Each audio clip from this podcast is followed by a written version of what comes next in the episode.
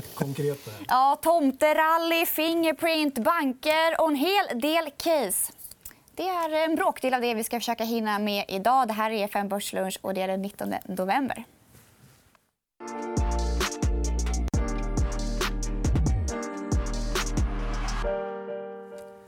Två Börslunch-veteraner som likt ett årgångsvin blir bättre för varje gång de är här. Jag pratar om eh, Anders Rudolfsson och Lars Söderfjell. Kul att ha er här. Tror ni det blir ett tomterally i år?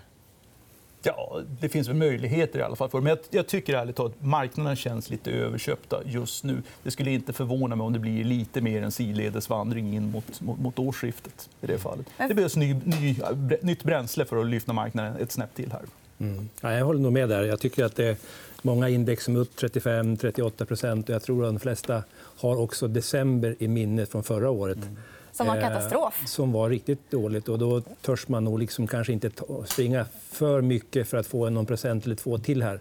Så jag är nog lite också på samma eh, håll. där. Att det, det, det är risk att det blir lite, det är lite syrefattigt på den här nivån. Mm. Men om vi tror ändå att det blir tomterally, vilka sektorer ska, ska driva det? Då? Vi har en tabell som visar... Eh, ja, vad är det vi ser här egentligen? Ja, vad vi ser här, det här är verkstadssektorn, eh, framförallt svenska verkstadsbolag och hur de gått relativt index under de senaste 15 åren. Och som man ser, liksom, det här är typiska illustrationen av aktier är en vintersport och att äga cykliska bolag det är framförallt en vintersport. Och det har funkat bra på 15 års sikt. Men tittar man de senaste 3-4 åren så har det faktiskt varit, precis som jag är inne på, varit betydligt sämre. Både i absoluta termer, vi kommer ihåg 15, vi kommer ihåg 18 eh, och, och även relativt index så har det inte varit alls lika tydligt i, i det fallet. Eh, så att jag tror nog ändå... Liksom, det, det, därför också jag har lite svårt att se... Verkstad har gått väldigt bra efter Q3-rapporten. och det, Med all rätt. Liksom, det var bra rapporter på alla sätt. Men ska vi ta det ett snäpp till så tror jag vi måste ha lite tydligare signaler om en bättre konjunktur. Och då undrar jag om vi hinner få in innan årsskiftet. Ja, alltså det, väl, det kommer ju här redan i slutet på den här veckan så kommer ju nästa runda av PMI-siffror mm. för eh, vad blir det, då? det blir november. Mm. Eh, de kommer säkert att visa på en viss bottenkänning här, det skulle jag tro.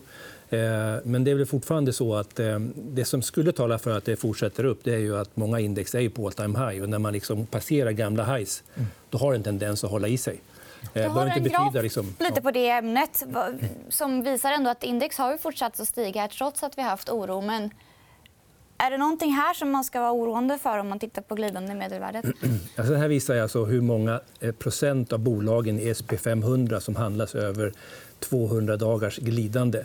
Och, eh, där kan man diskutera på om det är en rätt modell. Men det visar, liksom Lasse var inne på, att det är lite överköpt för närvarande. Och varje gång vi kommer upp mot 75-80% av bolagen som handlas över 200 dagars har i alla fall Standard Poor korrigerat lite grann. Och det blir en mer avvaktande marknad. Det kanske åker ner 5 Det betyder inte att det här rallyt är över för gott. utan Det är mer ett kortsiktigt liten anhämtningspaus. Mm. Du kom in lite på PMI. där.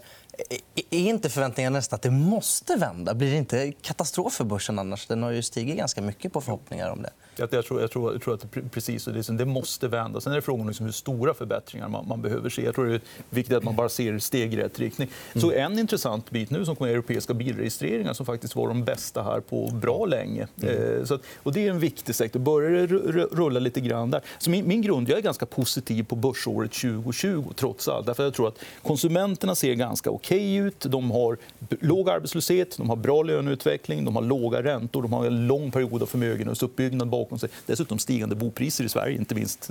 Vilket vi såg idag. Som vi såg idag ja. så man mår ganska bra. Och det här är en så stor del av ekonomin. Det här är 55-60 i USA, upp mot 70% av ekonomin. Så det ska ta mycket till på investeringssidan om man inte tillför några ytterligare nya externa chocker. Det ska man ju inte ge sig fan på att det, att det, inte, att det inte kommer att hända. Ursäkta mm. språket. Mm. Mm. Men, men alltså, givet vad vi vet idag liksom, så ja, men det borde inte bli någon recession i nästa år. Och jag tycker liksom, då har vi en hygglig vinsttillväxt och värderingar som inte är alltför orimliga. Så låt oss fortsätta att vara långa. Och, en, och ett antal riksbanker ja. som dessutom supportar det. Och de kommer ju aldrig våga höja nu förrän man ser att det här verkligen take off. Mm. Om vi ska titta på vår favoritgraf här. Då. Låt oss vara långa. Livet är kort, gå lång. Vad ser vi här, Lars? Ja, vad säger vi? Både, både jag och Anders hade den här i våra morgonbrev i morse. Såg jag, så det, här, det här var lite, lite roligt. Men det, här alltså ett an, det finns ett antal så famösa bäsare, domedagsprofeter. Allt från Rubini, Gunlars, Robert Weidmar och så vidare som har sen 2011 försökt kolla ner kraschen i marknaden. Och man har följt deras råd när de har gjort sina uttalanden flyttat då en dollar från S&P 500 till ett obligationsindex istället. Det här är utfallet. Upplyftande. Ja, me mi mi mellan minus uh, ska vi säga, 20, 25% till minus 60 eh, relative terms. Det är inget bra facit. Och jag tycker de, de ska inte komma undan med såna här saker. För det här är sånt som och även i media liksom dyker upp. Man säger nu ska marknaden krascha. Och man skrämmer ut folk ur marknaden. Och det har varit fel de senaste tio åren. Det innebär inte att det kan vara rätt under kortare perioder framöver att, att kliva bort från marknaden. Men man ska ta konsekvenserna även av de här rekommendationerna. Mm. Vi ska titta på lite banker. Frågan är om det är de som ska hjälpa till att lyfta index. Ja, tveksamt. Om man tittar på den här grafen ser det inte ut som att det är dem. I alla fall. Man har inte hjälpt till än. i alla fall. Nej. Nej, men det skulle i sådana fall vara en så kallad mean reversal, liksom att man, man kommer tillbaka. Då. Eh, men man kan ju se liksom att det här året har påverkats väldigt mycket förstås av, av penningtvätts diskussionerna, och vilket är aktuellt inte minst idag. Då. Eh, Swedbank och Danske Bank som ligger längst ner. Den enda bank som eh, måste vara mäkleriet i Stockholm, då, DNB, som, som, som håller uppe liksom som en hyggligt positiv avkastning. Eh, lägger man in eh, utdelningen tror jag 18 mm. upp liksom i, år hittills. Så det, det, det är bra, eh, bra i det fallet. Men det är, det är svårt för bankerna att gå. Liksom, eh, en av de vanligaste frågorna som, som jag får liksom en, liksom, är inte banker väldigt billiga. Jo, banker är väldigt billiga. tycker jag också. Det betyder inte att det är rätt att äga dem. De kan fortsätta att vara billiga under en väldigt lång tid framåt. Så jag tror att grundförutsättningen för att äga bank och vara lång bank idag det är att man ska ha en positiv räntetro. Vill säga att räntorna ska upp. Mm. Håller du med, Anders? Ja, men så är det ju absolut. Och, eh, vi har väl också sett, eh, hade såg någon graf alldeles nyligen som handlar om skillnaden mellan rent, eller, eh, Standard Poor's Financials över kanske sen 2010 jämfört med Europa. Mm. Eh, och det är en överperformance som är dramatisk för de amerikanska bankerna. Så att man är ju beroende av en, om att man ska ha en lite brantare yieldkurva. Och det har vi inte i Europa för närvarande. Det är negativa räntor och då är det väldigt svårt att tjäna pengar. Eh, och vi har väl också den synen att det är fortsatt press på bolånemarginalerna som är en väldigt lönsam produkt för bankerna. Eh, tar man eh, i Sverige så ligger bolånemarginalen för bankerna i snitt på ungefär 150 punkter. Och I resten av Norden så ligger den på alltså 75-80 punkter. Så att det är många som är intresserade av att komma in på bolånemarknaden med nya lån. Så att det också ökar på den här konkurrensen som man inte dessutom då har lite negativa räntor i Sverige. Så det slår hårt.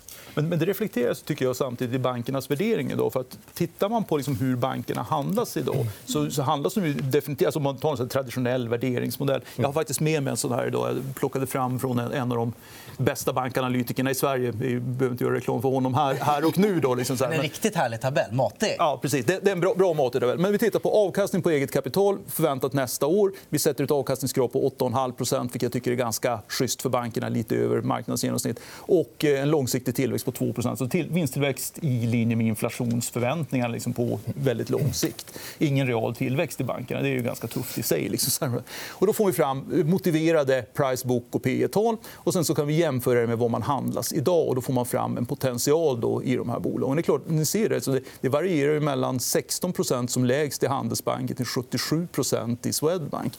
Eh, ingen slump att Swedbank, Danske och SEB är de som ligger absolut högst. Det är där man har penningtvättsspekulationerna. Men eh, första punkten med, med, med, den där är så att delvis så ser man att även de andra bankerna som inte varit utsatta för, för penningtvätt de har någon form av discount. Och det tror jag just är där oron för marginalpressen. Oron för att nya geniala fintech-applikationer ska slå undan benen, benen för banker. Jag är ganska skeptisk till det där själv, men, men okay, vi får se. Liksom så här. Det remains to be seen. Och den andra biten man kan ta ur, ur den här tabellen är så här, hur stora förväntade effekter av de här penningtvättshistorierna prisar marknaden in mm. idag. Och jämför man då liksom så här, eh, fair value med, med, med, priset idag och sen så tar bort den här allmänna bankrabatten då hamnar man på storleksordningen 50-55 miljarder kronor i Swedbank runt 55 miljarder danska i, i Danske Bank eh, och på ungefär 30 miljarder i SEB som vi egentligen inte ens vet om det finns nåt case för. Mm. Eh, annat än att Uppdrag granskning tydligen ska göra ett program om. Det tycker jag är rätt fascinerande. Hur, hur snabb marknaden är på att prisa in den här typen av... Så. Ja, bokstavskombinationen AML den är inte speciellt populär. Den är höga p-tal på den. Ja. Vi ska titta på din sista bankgraf som är en fyra hela grafer. Vi kanske inte ska gå igenom alla här, men vad är viktigast att ta med sig? Jag tycker den, den absolut viktigaste, övre, överst till vänster, eh, nordiska banker kontra den tioåriga eh, obligationen på ett års sikt. Eh, och det ser man liksom att ja, men, penningtvättshistorien försvinner ju faktiskt i den allmänna räntetrenden under, de senaste, eh, under det senaste året.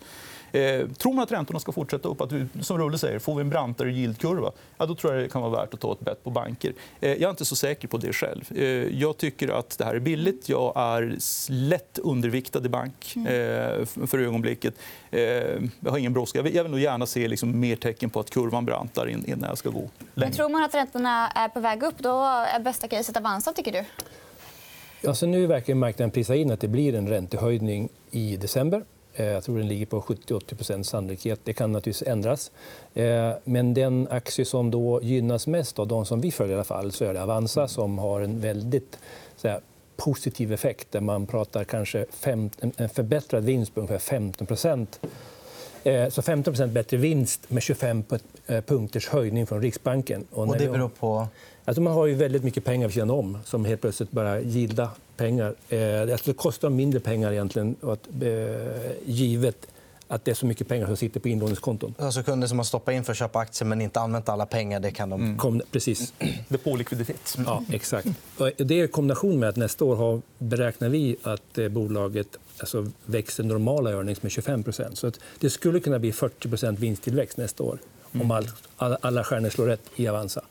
Plus att du har nu eh, både Q4 och Q1 blir ganska lätta jämförelsetal mot tidigare år. Så att jag tycker det känns som att om man nu tycker att det kan kännas lite segt med bank, det kanske fortfarande är kvar de här AML-problemen, så Avanza har det inte och det skulle kunna bli lite rätt bra resa med aktier och äga någonting financial så skulle Avanza vara bra. Mm. Ska vi ta ett till case från Rulle Albin? Ja, jag älskar case. Vi tar, vi tar Core direkt igen. ja, Core. Det är, kan man tycka är ett tråkigt eh, upplägg med en affär där man Jag liksom gillar tråkiga upplägg. ja, men det är ju en reception och det är städning och det är liksom inte någonting som sticker ut. Och egentligen är det så att det borde vara ett fantastiskt bolag för en sån som eh, Warren Buffett. Alltså vem som helst kan köra det utan man förstår. Man kan sätta dit vem som helst. Men så lätt är det inte. Utan det här är ett bolag som konkurrerar med det här internationella bolaget ISS och som finns i hela världen. Och det egentligen finns bara två, tre bolag i Norden som håller på med det här. Men det är en väldigt stabil affär. Man köper sig lite olika eh, förbättringar över tid. Och som man kan se här då, så eh, är det en konstant, eller, eh, tror vi i alla fall, och vi har också sett att det successivt växer lite grann varje kvartal och marginalen förbättras lite grann. Så det är en under de kommande, det kommande året så kommer det vara en stabil affär att äga oavsett om man egentligen är rädd för börsen eller inte. Det här gör man på egna meriter. Och sen om vi tar nästa bild så ser man där också att aktien har alltså vid omgångar ungefär vänt på den här nivån. Här står det då inte kronor där ute, men jag tror det ligger ungefär 75 kronor. 20 där ungefär 75 kronor per aktie. Och varje gång man kommer ner på den här nivån så har aktien studsat. Och jag tycker det är också någonting som man kan ta med sig när man tittar på den här grafen. Att aktien, alltså hur går aktien från nu fram till utdelning? Och som man kan se där, där så vi tror att, aktien ska, att bolaget kommer att dela ut 4 kronor per aktie. Och som man ser här så har aktien en väldigt stabil och nästan ja, slavisk eh, eh, följsamhet mot hur det har sett ut de sista 4-5 åren fram till utdelning från nu. Och vill jag se det där igen? Det är jag helt övertygad om. Så det här är bra. Vad har du för värdering på den? Där? Ja, det är väl det som folk kan tycka är lite dyrt. just då. Eftersom det är så stabila affärer mm. betalar mer för det. Mm. Eh, jag tror det ligger på en 16-17 gånger. ISS, alltså efter att de man justerar ner prognoserna nu på deras vinstvarning handlas på 11 ja. ungefär. Mm, i det fallet. Med mm. skalfördelare. Det är det som jag skulle kunna... Ja, och det är jag tror också därför aktierna har gått ner nu på slutet. Mm. För att liksom, de följde med ISS ner trots att jag tycker att rapporten faktiskt var väldigt bra. Och bolaget var hos oss förra veckan. Alltså, de gör ett väldigt konfident intryck. Mm. Där kan man äga. Är det inte intressant för ISS att kanske svälja kor? Då? Nej, jag tror att det ISS kommer ska inte köpa någonting på ett tag. De har De, de ska sortera, det. nej, de ska sortera, och framförallt de ska sortera, sortera upp de förvärv som de har gjort tidigare och göra de avvecklingar som, som Och de ger sig ut på andra ställen i världen. Alltså det, och Core tycker det är perfekt. Lämna Sverige, tycker de. Lämna oss i fred. Fingerprint då? Ska vi inte ta lämna Fingerprint i fred? Ja, de- Alltid de här De, stackarna. de, de, de, det, här är, ju- det här är minerad mark. Jag vet att det kommer tusen Twitterinlägg på, på vad- vad man än säger om bolaget. Men, eh, jag bara noterade här, i fredags. Bolaget kom med en rapport som jag i sig tyckte var ganska skaplig. Liksom så här. Eh, men man- det tyckte inte marknaden. Nej, det gjorde inte marknaden. Jag vet inte exakt vad det var för förväntningar i det där. Det var ett break-even-resultat och ett kassaflöde som var, som var positivt. Eh, man har lite sämre tillväxt. Men alla drömmer ju om att få se det här igen. Liksom att det här återgången till 2015, 2016, 2017. Liksom där. Det var bättre Eh, förr. Ja, det, var, det var det förmodligen. Liksom. Det kan ju bli bra igen. Men en sak som jag reagerar över är att det dyker upp påståenden om att det är orimligt låg värdering i Fingerprint. Och när jag tittar på det, de hade ett marknadsvärde på ungefär 4,5 miljarder kronor då på stängningen i fredags. Nu har jag inte finlirat med att räkna om nettokassa och så vidare, men det, det är ju inte så stor skillnad. Tar jag en peer group här, eh, mix av fabless simibolag och biometribolag, så hamnar man på ungefär 17,5 gång för 2020. Det finns de som ligger högre, det finns de som ligger lägre. Man kan säkert argumentera för, för det också. Men det skulle göra att Fingerprint får ligga på samma nivå som konkurrenterna i värdering måste tjäna ungefär 255 miljoner kronor. Eh, räknar vi ner det där, vad, det innebär i resultat, eh, i bruttoresultat så måste man göra ungefär 650 miljoner eh, kronor. Och räknar man då med att man ska nå en bruttomarginal på 30% vilket bolaget sagt är vår långsiktiga målsättning, man hade 22% bruttomarginal på de senaste 12 månaderna, ja, då måste man sälja för 2,2 miljarder jämfört med runraten på 1,5 miljard som man hade efter tre kvartal i år. Eh, det är inte alls omöjligt att man kan lyfta intäkterna om korten tar fart, om Samsung fortsätter att, att växa, om Huawei eh, kommer tillbaka på banan igen. Det är inte alls omöjligt att man kan få upp bruttomarginalen till 30 eh, Man gör väldigt mycket, man lanserar också en del nya produkter här nu så jag tycker det ser lovande ut. Men man ska inte säga att det inte finns några förväntningar i det. Utan man måste faktiskt kunna leverera en hel del för att, eh, för att motivera dagens värdering också. And that's all I have to say about that. Okej, thank Då stänger vi det kapitlet då och går vidare till nästa. Det är väl kul att skicka med tittarna ett sista. Ja, vi tar ett sista case. Och det är Millicom. Och det kommer från Anders. Eh, ja, alltså, det är inte så mycket att säga om egentligen. Det är ju att Kinnevik vet ni ju som eh, allihopa att de delar ut sitt innehav i Millicom till sina aktieägare. Och I samband med det så kommer det ut närmare 40 miljoner aktier som hamnar på olika händer. Alla de kommer ju inte att vara tagare av den där aktien, kommer till ägaren. Men aktien har ju alltså, eh, säkerligen fått väldigt mycket stryk innan det här händer. Och nu eh, har man ju börjat handla den här inlösenrätten. Och, eh, den handlas ju runt 55 kronor någonting. Eh, implicit då så hamnar man, handlar man den 4 kronor lägre än vi har kursen eh, i Millicom. Så att man kan göra ett litet arbitrage för den som är intresserad det. Men det intressanta är att aktien har gått riktigt dåligt här sista året. Och det var ju faktiskt föremål för ett bud bara för nio månader sedan. Och då bjöd ju en konkurrent i Sydamerika 710 kronor med egen aktie och nu handlas aktien på 400. Det här skulle kunna vara en aktie för 2020. Vem är inte intresserad av arbitrage? Ja, vi, exempelvis. Vi, tycker- vi, vi, vi tycker att, att, att 1 liksom, det, det, det, det går bort en del transaktionskostnader. Du jagar större avkastning. Ja, ja, abs- absolut. Men, men däremot, däremot så är det så här, Millicom är intressant. Däremot, förutom liksom att det finns ett överhäng så åker ni ur ett, ett antal index Ja. också här vid månadsskiftet. Man kan tycka en massa saker om det, men jag skulle inte röra i den på den här sidan månadsskiftet eller innan den här avknoppningen är färdig. Men när den är det? Men när den är det så, så håller jag med Rulle. Det här kan mycket väl vara ett case för 2020. Nu gäller det mer att försöka hitta en, en botten. i. Grunden de, de har jättebra marknad, de har bra demografi, de har relativt låg penetration, de har en hygglig tillväxt liksom, i, i, i sin- sina marknader. Det är rätt stabila ekonomier ändå som de arbetar i. Förutom, det... förutom Bolivia. Bolivia är lite, lite, lite. Men det- there's always something. Liksom. Och de har en ganska tydlig strategi. De har en låg värdering jämfört med lik, liknande bolag som Lilac ex- exempelvis. Och även jämfört med America Mobile så har de lite discount där Ja. just nu. Så, att, så att caset finns där. Eh, absolut. Men, men som sagt, det finns så många som inte har ägt Kinnevik primärt för att äga Millicom. Eh, och de, där ska vi nog byta ut lite ägare först. Mm. Vilket perfekt avslut. Ja, eniga.